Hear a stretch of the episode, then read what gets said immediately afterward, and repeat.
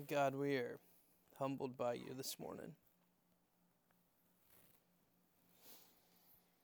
Lord, that you give us identity and no one can take it away. And then the gifts that you give us on top of that identity are full gifts, God.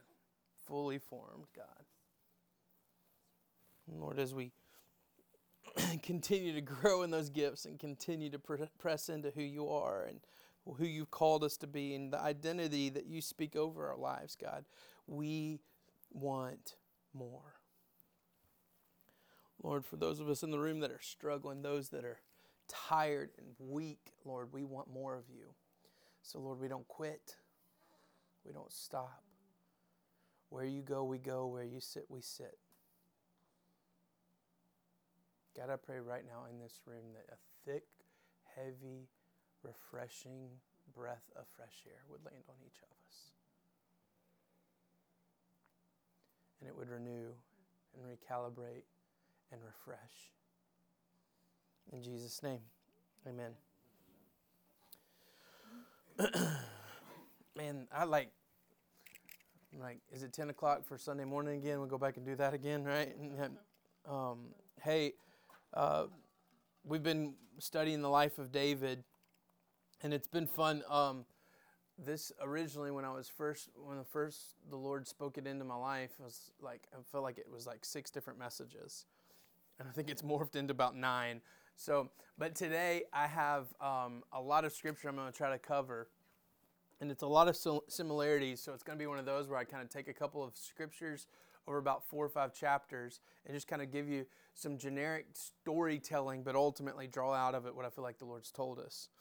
Um, you know, we've walked through a lot of David's life already, and he's not even king yet, right? He's not even king yet. He's been anointed king, but he's not officially king yet. Saul's still king. And Saul's trying to kill him. Saul's not okay with him. Remember last week we talked about that presumptuous concept that Saul creates and he's king. They've got a seat at the table for David and he says, Where's David? But all before the meal, Saul's trying to kill him, so he knows exactly where David is. David ran away because he's trying to kill him. And to live under false pretense is not what Jesus would do when Jesus is alive in our spirit. And Jesus is obviously alive for all of us, but when we're acting in that spirit, when we're walking in that spirit, that is when the reality of the situation plays out, not a false pretense. So, watch this. We're going to be in 1 Samuel 22, kind of all the way through 26, but really 22 through 24. In 1 Samuel, prior to that, God's giving David everything. God's providing, watch this, a friend in Jonathan. God provides a friend in Jonathan that the Bible says knits their souls together. Jonathan's dad is David's arch enemy. He's, he's trying to kill him. And God says, you know what? I'm going to use this friendship to sustain you. And we all have friends like that, hopefully. If you don't, hopefully you're developing that in some of our groups that we're doing because we are meant to live life in community, meant to live life sustaining one another. But then God provides a wife. And cultural norms are going to be a little weird. God provides a second wife in some of the stuff that we're about to read, okay? But God provides a wife. The first wife is Michael. Michael is David's daughter. I mean, Saul's daughter. Thank you. That'd be weird. Michael is Saul's daughter. Bear was making quotes about Arkansas already this morning. So, from Arkansas, I apologize. Not for my statement, I just apologize to you. No. Saul Saul gives his wife or gives his daughter up to David to be a wife in order to entrap him, and God says, "No, this is provision for you." Then David flees because Saul's coming after him. And what's God give him? The holy bread. We talked about it last week. The bread of presence. God's presence is literally what David consumes to be sustained. And then he gives him the sword that he pulled from Goliath as he's running away from Saul, ultimately into his calling. God says, Hey, remember my anointing? Here's this sword. Remember what I've already done? Remember the previous victories? Guys, we just sing it. He doesn't give his heart in pieces, he gives all his heart. All of himself. And the concept of where we are right now, it feels like a broken piece. And I'm not talking about Salem, Memphis, I'm talking about your life. There's probably things that doesn't feel like the full picture. But God give, he's giving everything in that moment. You see, if I was to get the full heart of God, I wouldn't be able to live. I wouldn't be able to survive. God's love is that overwhelming. It's so good that it would it would destroy me because I'm not that good. God continues to give and continues to give, even when David messes things up. Y'all, he hadn't really messed anything up yet. God's favors on him to the point where everything he's touching, even when it feels like he's running away in cowardice, he's ultimately running into what God's got in store for him. So he has this interaction. Remember the priest, the priest of Nob, and he goes and says, I'm hungry. Uh, Saul, he doesn't really tell him the full story because he honors Saul in that moment. And then he leaves there, and that's where we pick up. In 1 Samuel chapter 22, I'm going to try to read a whole bunch of scripture this morning. In 1 Samuel chapter 22, verse 1, David departed from there and escaped to the cave of Adullam. Okay, so you, we, we think uh, lions and tigers and bears cave kind of thing, right? That, and it was that, but ultimately they would use caves as fortresses as well. It was not uncommon to stash a whole bunch, like an army, in essence, in a cave to live because it was usually one way in, one way out, and it was like a fortress. So instead of building this elaborate fortress that we know of fortresses as, this was a cave. Everybody, anybody seen? Uh, uh, I almost said Harry Potter. Uh, uh, Lord of the Rings. Lord of the Rings. They have Helm's Deep. It's it's a it's a fortress that goes into a cave, basically. Same same concept. So David runs into this empty cave. Watch. And when his brothers and all his father's house heard it, they went down to him. Same brothers that said, when he said, I'm going to go and fight Goliath, they're like, no, go back to your shepherding. Same father that said, Yeah, these are all my sons. Oh, wait, I forgot. I've got one more in the field. Watch. Verse 2. And everyone who is in distress, and everyone who is in debt, and everyone who is bitter in soul. Anytime you see in scripture where it says bitter in soul, discontent is another, another term there. They gathered to him. What has that cave turned into?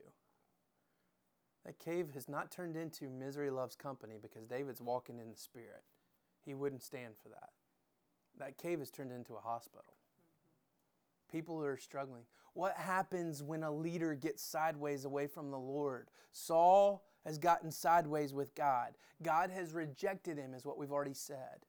And then ultimately, David's hiding in a cave as the God's anointed. And what does God do? He draws people to him.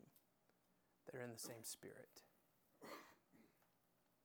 And David went from Mizpah of Moab. Oh, wait, I skipped over. Uh, so they gathered together and he gave the commander over him. They, did, they turned it into an army. Look at it. He became the, not the king, not the king. He's already anointed king, but he becomes the commander. They say, We will follow you. And there with him were about 400 men. This isn't counting the women and children, this is just the men. 400 men.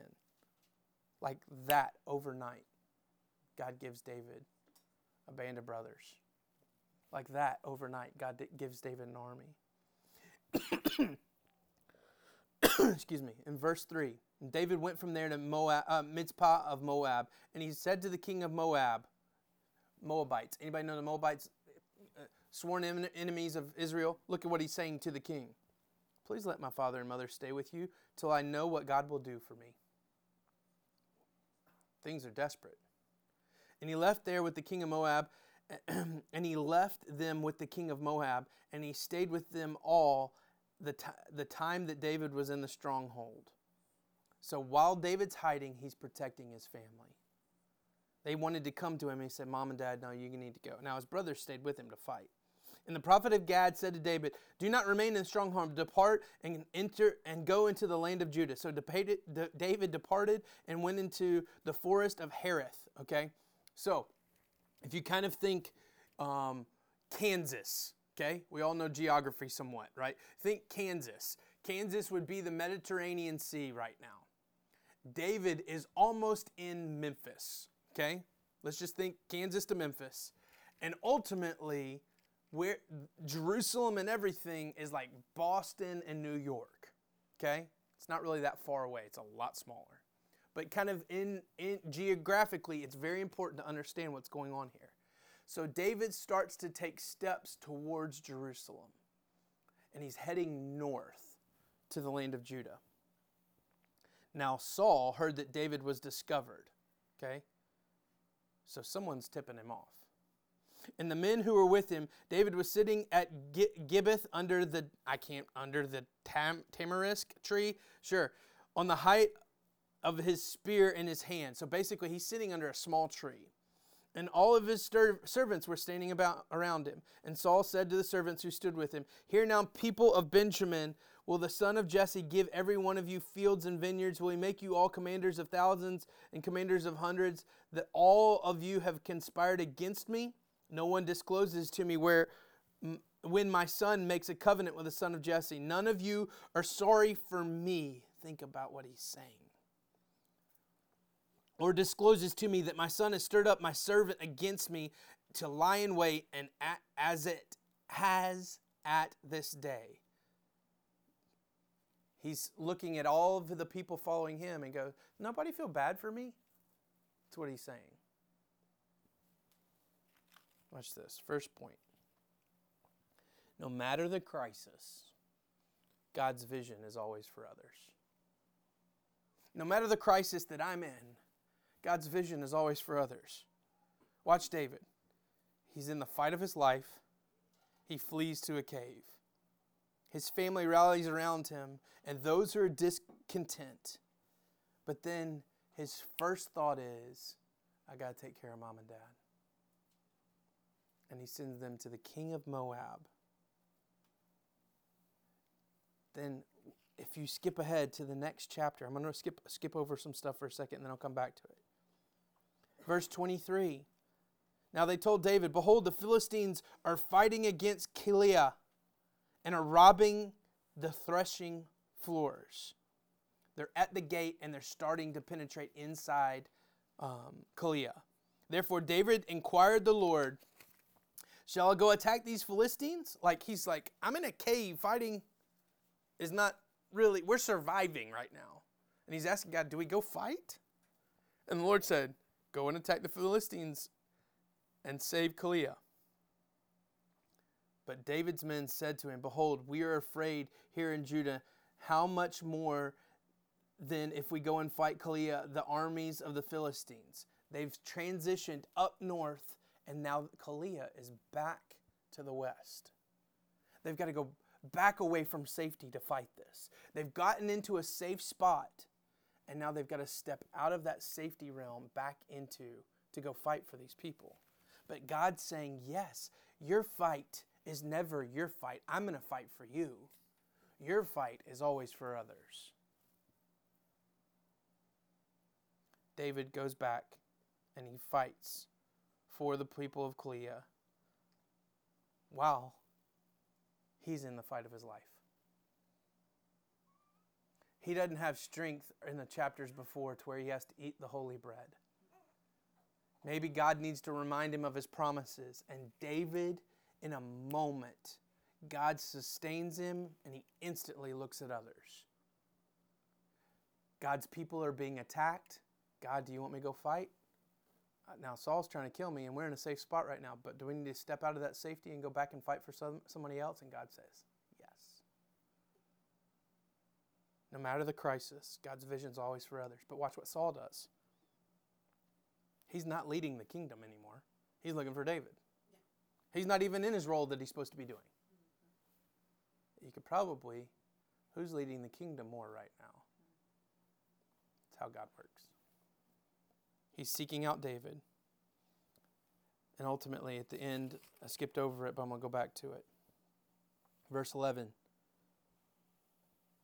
Uh, he's, he makes that challenge to all the people. Saul says to all his people, Hey, who's going to con- conspiring? Do you guys not feel sorry for me? And then uh, it's, it's Doeg, but I like to call him Doug because it kind of looks like Doug. Doeg the Edomite, or idiot, Doug the idiot, maybe is another way to say it, basically says, hey, the priest of Nob gave him provisions. The priest of Nob helped him out. There's no buses at that point, so maybe a chariot's backing over him, like he's throwing him under the chariot, okay? Then the king summoned to Ahimelech, the priest, the son of Ahitub, Ahitub I don't know, um, the father's house, the priests who were of Nob, at Nob, and all of them came to the king, and Saul said, Hear now, son of Ahitub. And then he answered, Here am I, Lord. And Saul said to him, Why you conspired against me, and you and the son of Jesse, and you given him the bread and the sword, and I've inquired and have inquired of God for him, so that he has risen against me to lie in wait as at this day. And then he basically, Ahimelech just says, uh, He came to me and he told me that he was on business for you. Saul does this. He looks at all the other priests and says, Kill him. You know the priests do? Nope.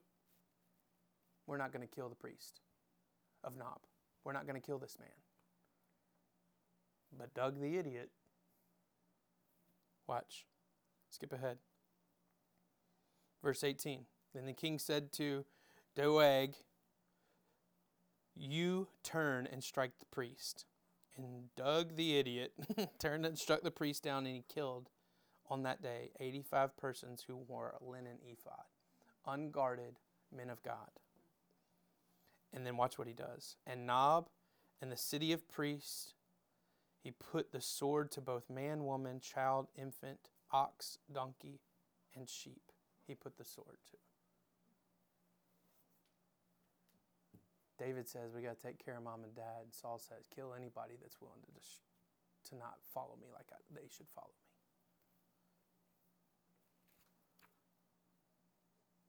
So, David's a few steps ahead of Saul in more ways than one.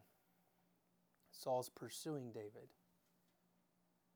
David's thinking about other people while he's in the run of his life. And he goes and fights the Philistines in this northern, western place.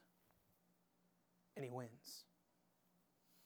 And the Philistines, he doesn't kill them. Usually in some of those fights, scripture says, and then he slaughtered all the Philistines. Well, he doesn't kill them, they would just run off. But Ahimelech's son escapes. Doug the idiot kills all sorts of priests and everything, but that one son escapes, runs and tells David, Saul's killing everybody, heads up, he's coming your way. Gives enough time for David to start even further west. He starts even further west, away from Keilah. Watch this. Saul gets really close. Saul begins to pursue David. In verse 15 of chapter 23. David saw that Saul had come out to seek his life. David was in the wilderness of Ziph of Horesh, and Jonathan and Saul's Saul's son rose and went to David at Horesh and strengthened his hand in God. Jonathan still running ahead of his dad to do the thing that God's told him and empower his friend. Watch this. Second point. When I am in a personal battle, battle yet fight for others, God always gives me victory. When I'm in a personal battle, yet I fight for others, when I, no matter the crisis, have vision for other people, when I'm fighting for other people, even though my tank is empty, God always gives me victory. And it's not just in the thing that I put my hand to for my friend, but it's always inside as well. Watch this. I love it. So, Keilah into the wilderness of Maon the wilderness of Maon, from Keilah into Maon. He's basically just moved a short distance west. He's not going back into the safety of the northern territory. He's moving further west. And Saul's on his heels. Jonathan runs ahead and strengthens him, encourages him, says, Man, you're God's anointed. You're, you are a child of God. He's reminding him what the enemy can't take away. Jonathan's sustaining his brother, he's encouraging him. They make covenant. And then Saul gets really close. I'm sorry, I lost my spot. Verse 25 And Saul and his men went to seek him, and David was told. So he went down to a rock that lived and lived in the wilderness of Maon. And when Saul heard that, he pursued after David in the wilderness of Maon. Saul went on one side of the mountain, and David and his men went on the other side of the mountain. So now they're just a mountain range apart. And by mountain range, we're not talking like Rockies or Smokies. We're talking probably hills, valleys, and hills. Saul went to the other side of the mountain, and David and his men went to the other side. And David was in a hurry to get away from Saul. And Saul's men were closing on David and his men to capture them. Then a messenger came to Saul Hurry, come, for the Philistines have made rain, raid against the land. The land that the Philistines occupied was due west up against. I shared it with you earlier. They were the people of the sea. They, they were beyond Moan, or Maon, sorry. They were beyond these places that we're talking about. But Saul's so caught up in pursuing west that they have slipped behind Saul. Not probably likely. I firmly believe, and I can't, I'm just pulling it from Scripture, and it's ultimately what the Holy Spirit showed me this week. Saul's coming in close. David fights for this other group of people, but doesn't kill them. The Philistines flee. And as Saul and David move further west, the Philistines drop back behind them and attack again. And Saul's hot on David's heels. And he's about to capture him. And word comes and says Philistines are attacking. The very people that David was fighting for someone else are the very people that ultimately saved David. David goes and fights for these people and sends off the Philistines and then runs and hides. If he had let them attack, he wouldn't have had the safety valve. As Saul gets close, he has to abandon this pursuit of David because that same group has just come back in and attacked.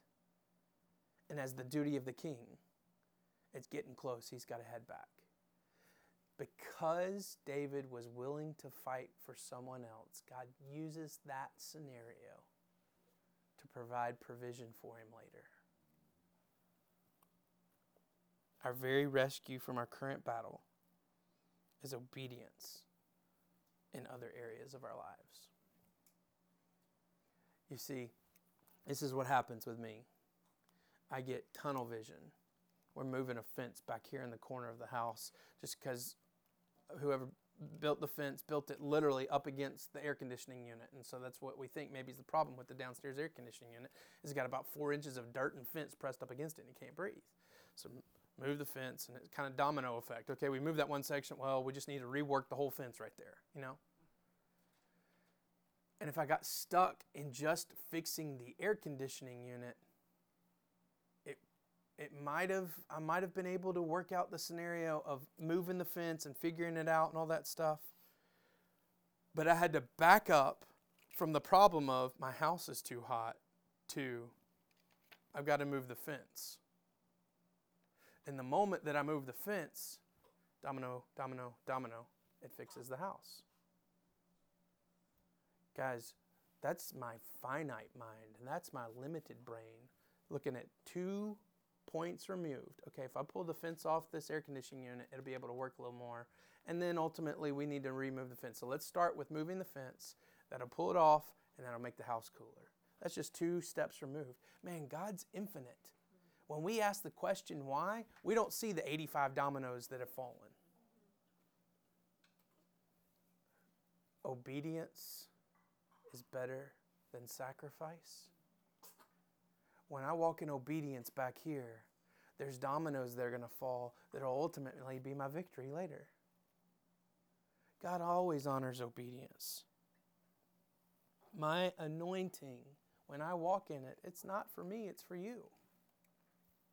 David's anointing to defeat the Philistines. David's anointing to run and hide. David's anointing, watch this, to continue to honor. Look at what happens in verse 20 or chapter 24. 1 Samuel chapter 24. Saul's run away to go fight the Philistines. And David's the scripture says he, he goes and hides in the caves of Ein Gedi. Ein Gedi, if you were to ask me before today, I would have told you. I've been there. I got to grad when we graduated high school. My mom and dad saved up a whole bunch of money, didn't know it, and my graduation present was go to the Holy Land. Okay, I told you I was weird when I was in high school. I was like, yep, that's what I want to do. I want to go to the Holy Land. So we went to the Holy Land. The prettiest place I've ever been on the planet is Ein Gedi. It's the, I mean, uh, remember the old school cartoons when uh, like uh, Mickey Mouse or Goofy or somebody's like going through the desert. It was always Donald for some reason. Donald Duck was always the one that was in the worst situation. Come on, like like isn't that racist against ducks? So, anyways, Donald was in this like heat. He's in this desert and he's like he thinks he sees water and he goes to drink it and it's ultimately just a mirage. It's sand. You know what I'm talking about? Ein Gedi looks like that. Ein Gedi is in positioned in between two deserts, and it's ultimately about two and a half miles wide. And it's any vegetation you can imagine in this one spot. The prettiest waterfalls I've ever been to, most beautiful place, literally an oasis in the desert. And that's where David goes to hide. Isn't it just like the Lord to speak in those moments in between deserts? We know that the majority of the Psalms were written in Ein Gedi, in the oasis. God gives you the reprieve, God gives you the moment, the breath in the desert. I, I would pull up the picture, but I'm that generation weird that half analog, half digital. That was like the old. Remember the panoramic, like when they came out with these. You remember these cameras where you rotated everything, and then they came out with the ones where you could do the panoramic. It was like two weeks before we went to Israel, so I have all these weird like panoramic shots. But I have this unbelievable shot. We're walking down because literally it's on a peak. We're walking down from a, uh, a waterfall, and I've got a panoramic of desert, oasis, desert and it's a visual of that's how God moves. That's how God stirs. So if you're in a desert, God's going to give you an oasis or he's going to give you the land of Judah. But if there is a desert on the other side, he's going to do something in the oasis just for a moment. He always gives us a breath of fresh air when we pause. It's as simple as, as we've said it this past week, I pause. He speaks. I respond. It's as simple as that. And we've created so much church outside of that. Watch what God, God does in Ein Gedi. When Saul returned from the Philistines, he was told, Behold, David is in the wilderness of Ein Gedi. Sorry, this is chapter 24. Then Saul took 3,000 chosen men, okay, the best of the best, the elite squad, but 3,000 of them out of all Israel and went to seek David. He's not playing anymore, going after him. And his men from in front of the wild goats rocks. Okay, there's at the bottom of Ein Gedi, there's these, these rock formations. And he came to the sheepfolds by way by the way where the, there was a cave and Saul went in to relieve himself. He went into the cave to go to the bathroom, unknowing, watch. Now David and his men were sitting in the utmost parts of the cave. David and his men, roughly about 600 now. Saul goes in to go to the bathroom, and they're hiding in the dark. Circumstances sometimes make me think God's given me this. And if I don't pause, all of a sudden I screw things up. And the men said, to, uh, men of David said to him, here is the day of which the Lord has said to you, Behold, I will give you an enemy, your enemy, into your hand, and you shall do to him as it shall seem good to you. Then David arose and stealthily cut off the corner of Saul's robe.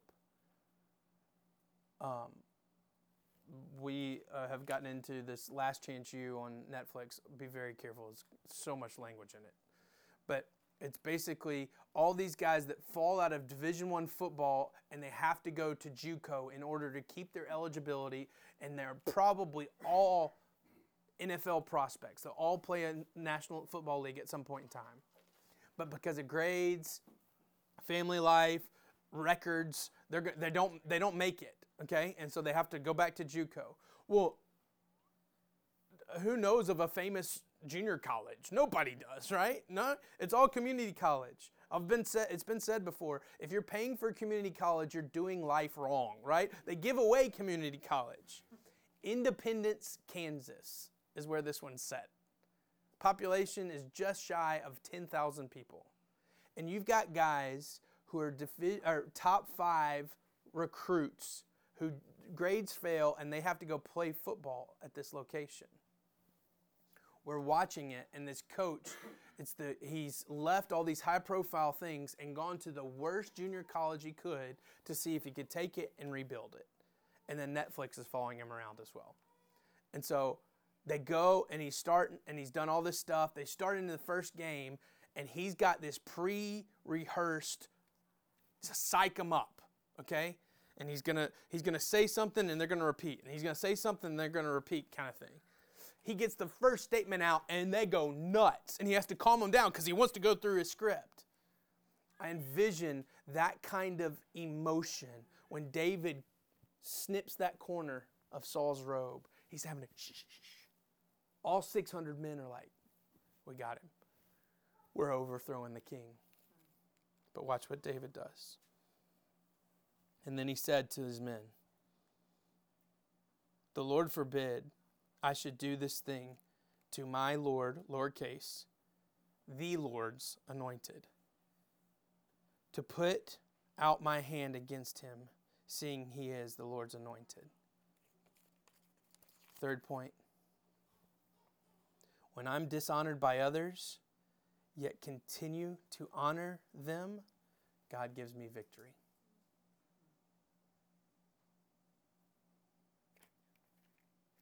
the 600 guys in the cave are going very similar to like all of Facebook right now. That's not my president. that's not my king. This is my king. My king's the one sneaking up, snipping the robe, right? And he is. He's the anointed. Watch. He calls Saul the Lord's anointed. But David has already been anointed. In that season where they went up to the north for a brief moment, in Judah, they anoint him again. He gets anointed the second time. So now he's got two times that he's been anointed, not only over by uh, Samuel, but now the, he's the king of Judah as well. And he calls Saul the Lord's anointed. Saul was king officially. And David knew the issues with Saul were between him and the Lord, not between him and David. The Bible says to out honor one another, play it like a game.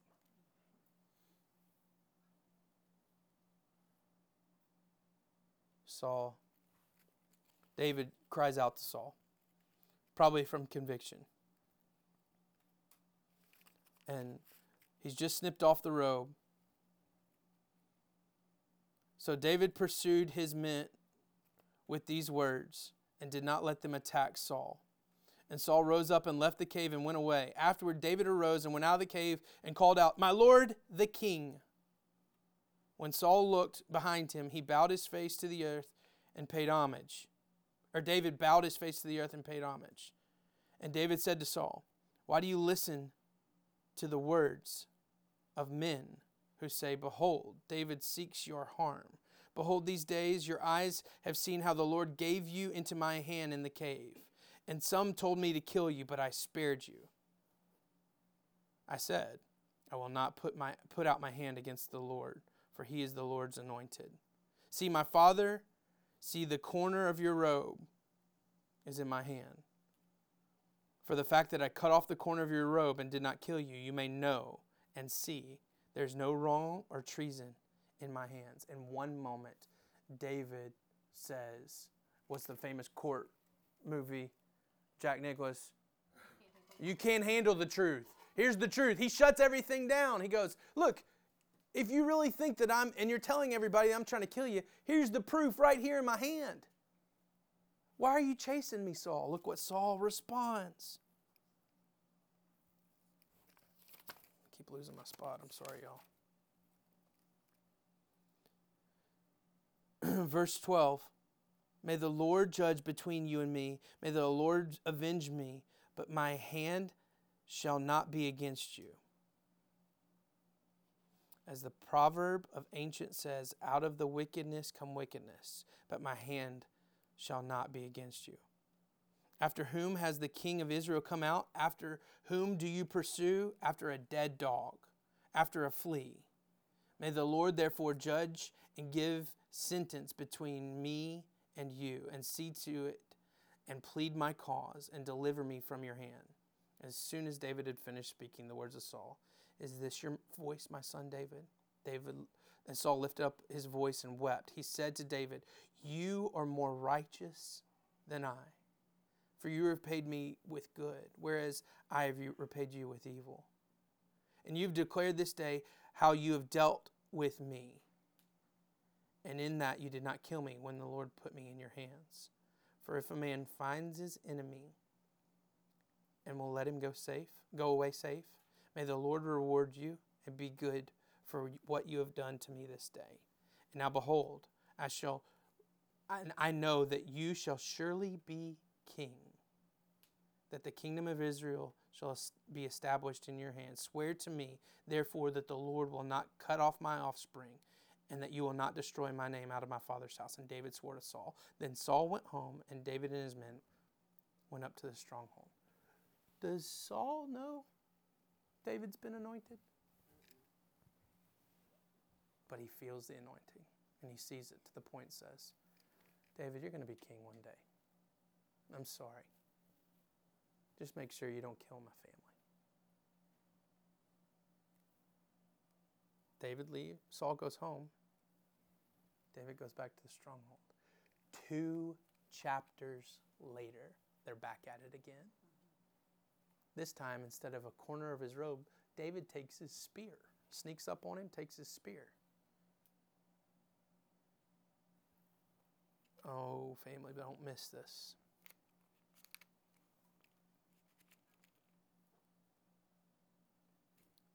David is running for his life. Saul's trying to kill him. But Saul experiences David's peace. For a brief moment, because Saul falls back into his old ways. But it's because of the honor David has in his spirit. I love this.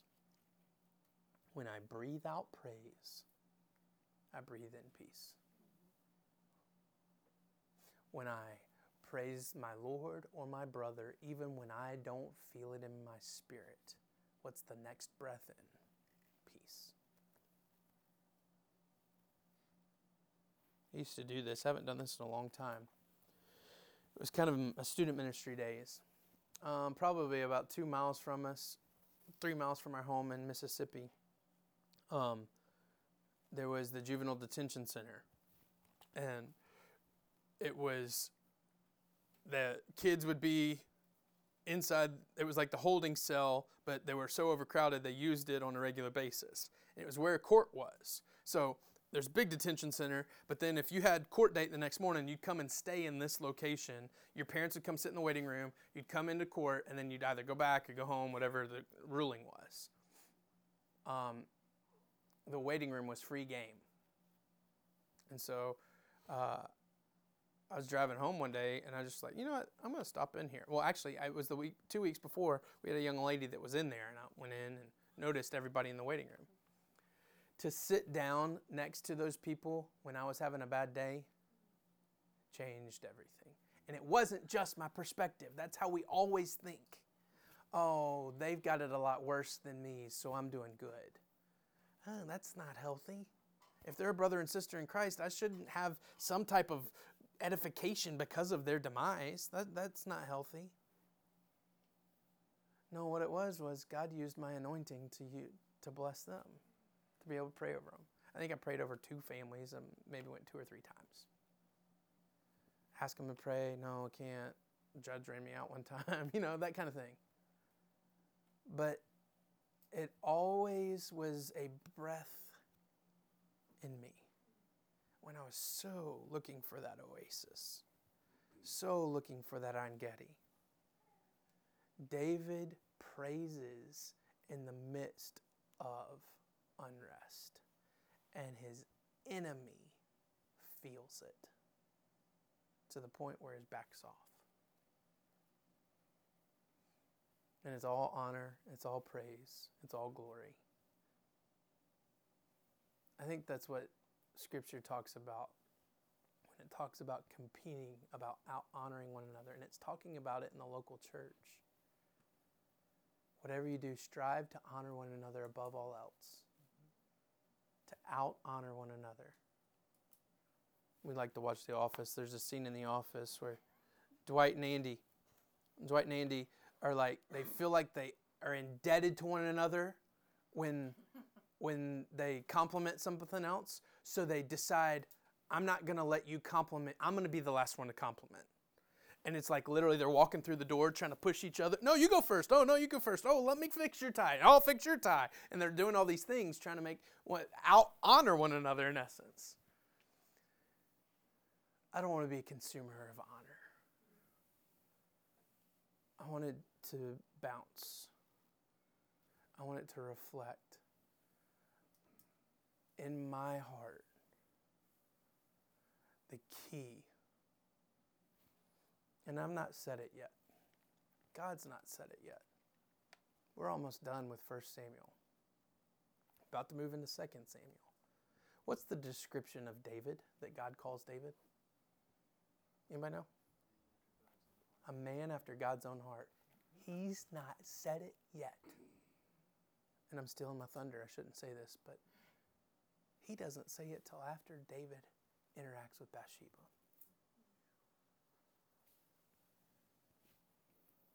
Oh, guys, don't miss it. He has the moment to kill Saul twice, and he uses it to honor, and God still doesn't say yet. A man after God's own heart. When I'm going, this is the epitome of who Jesus is. I can't prove it. But I was in the Passion Play at Bellevue growing up. It was a lot leaner those days. But basically, we wore a diaper, and I was one of the thieves on the cross. It was crazy. Full body makeup. It was nuts, okay? But we, it was so surreal to be able to play that part. Yeah, I literally have to, I think like 14 times or something like that, act like I'm dying on a cross and I was the repentant thief, not the bad one, okay? Um, yeah, pastor's kid. They wouldn't let me be the bad one. it was too much like typecast if I was the bad one, right? Um, and and sur- it was so surreal every night, and it was one of those things God impressed on my spirit. It would get dark. They would drag us up acting, and then the scene would get dark, and I would lay down on this cross and get in my position it's, sorry, gross, but then they cover me with all this costume blood, and then the lights would come up and they'd lift us and drop. If I'm a thief, you got to hold me down on that cross. I'm going to fight you. But I've wondered, because Jesus says, No one takes my life, I lay it down. I've given you authority to do this, is basically what he's saying when the Bible says he was disfigured to the point of not even looking like a human, he laid down on the cross. And did it freak them out that they weren't fighting him? He was getting up on the cross. David's the picture of this. These men, these 600 men, in a few chapters, they start to referring to them as David's mighty men.